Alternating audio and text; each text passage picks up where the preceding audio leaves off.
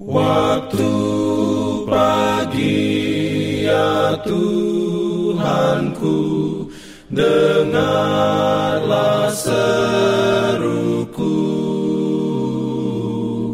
Melayang doa yang sungguh Memandang padamu. Selamat pagi pendengar Radio Advent Suara Pengharapan Mari mendengarkan suara Tuhan melalui tulisan pena inspirasi bersama Allah di waktu fajar.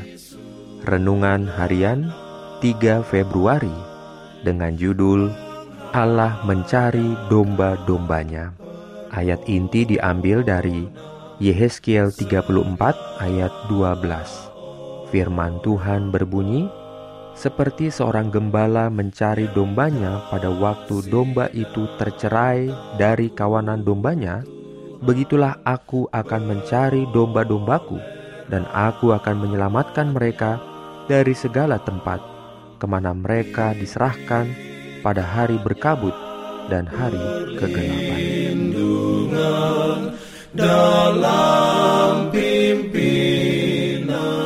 Urayanya sebagai berikut.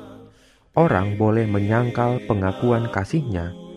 Mereka dapat mengembara jauh dari dia. Mereka dapat memilih tuan yang lain. Namun demikian, mereka adalah milik Allah, dan ia rindu hendak memanggil miliknya itu kembali.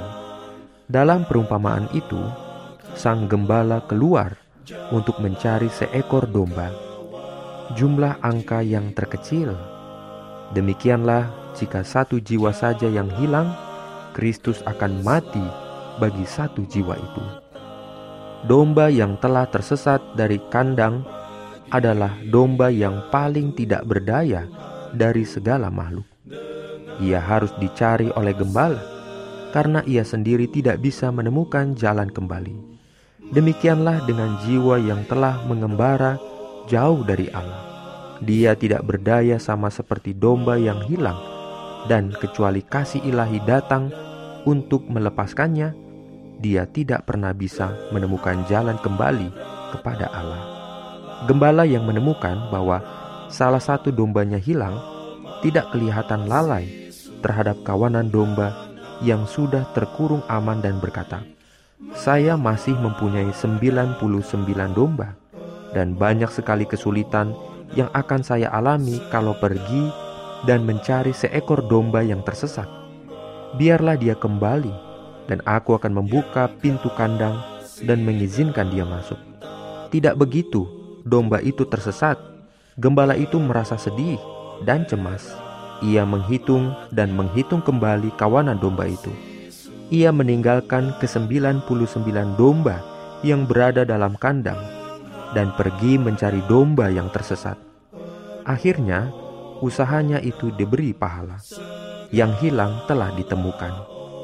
Perumpamaan itu tidak berbicara tentang kegagalan, melainkan tentang sukses dan kesukaan karena penemuan kembali.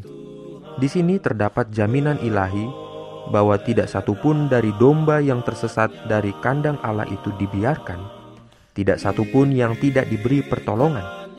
Setiap orang yang mau menyerahkan diri untuk ditebus Kristus akan melepaskan kita dari lubang kejahatan dan dari onak duri dosa.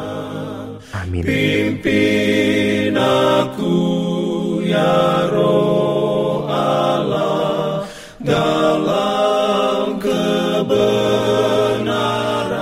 Jangan lupa untuk melanjutkan bacaan Alkitab sedunia. Percayalah kepada nabi-nabinya yang untuk hari ini melanjutkan dari buku Kejadian pasal 21. Selamat beraktivitas hari ini. Tuhan memberkati kita semua. Jalan keselamatan.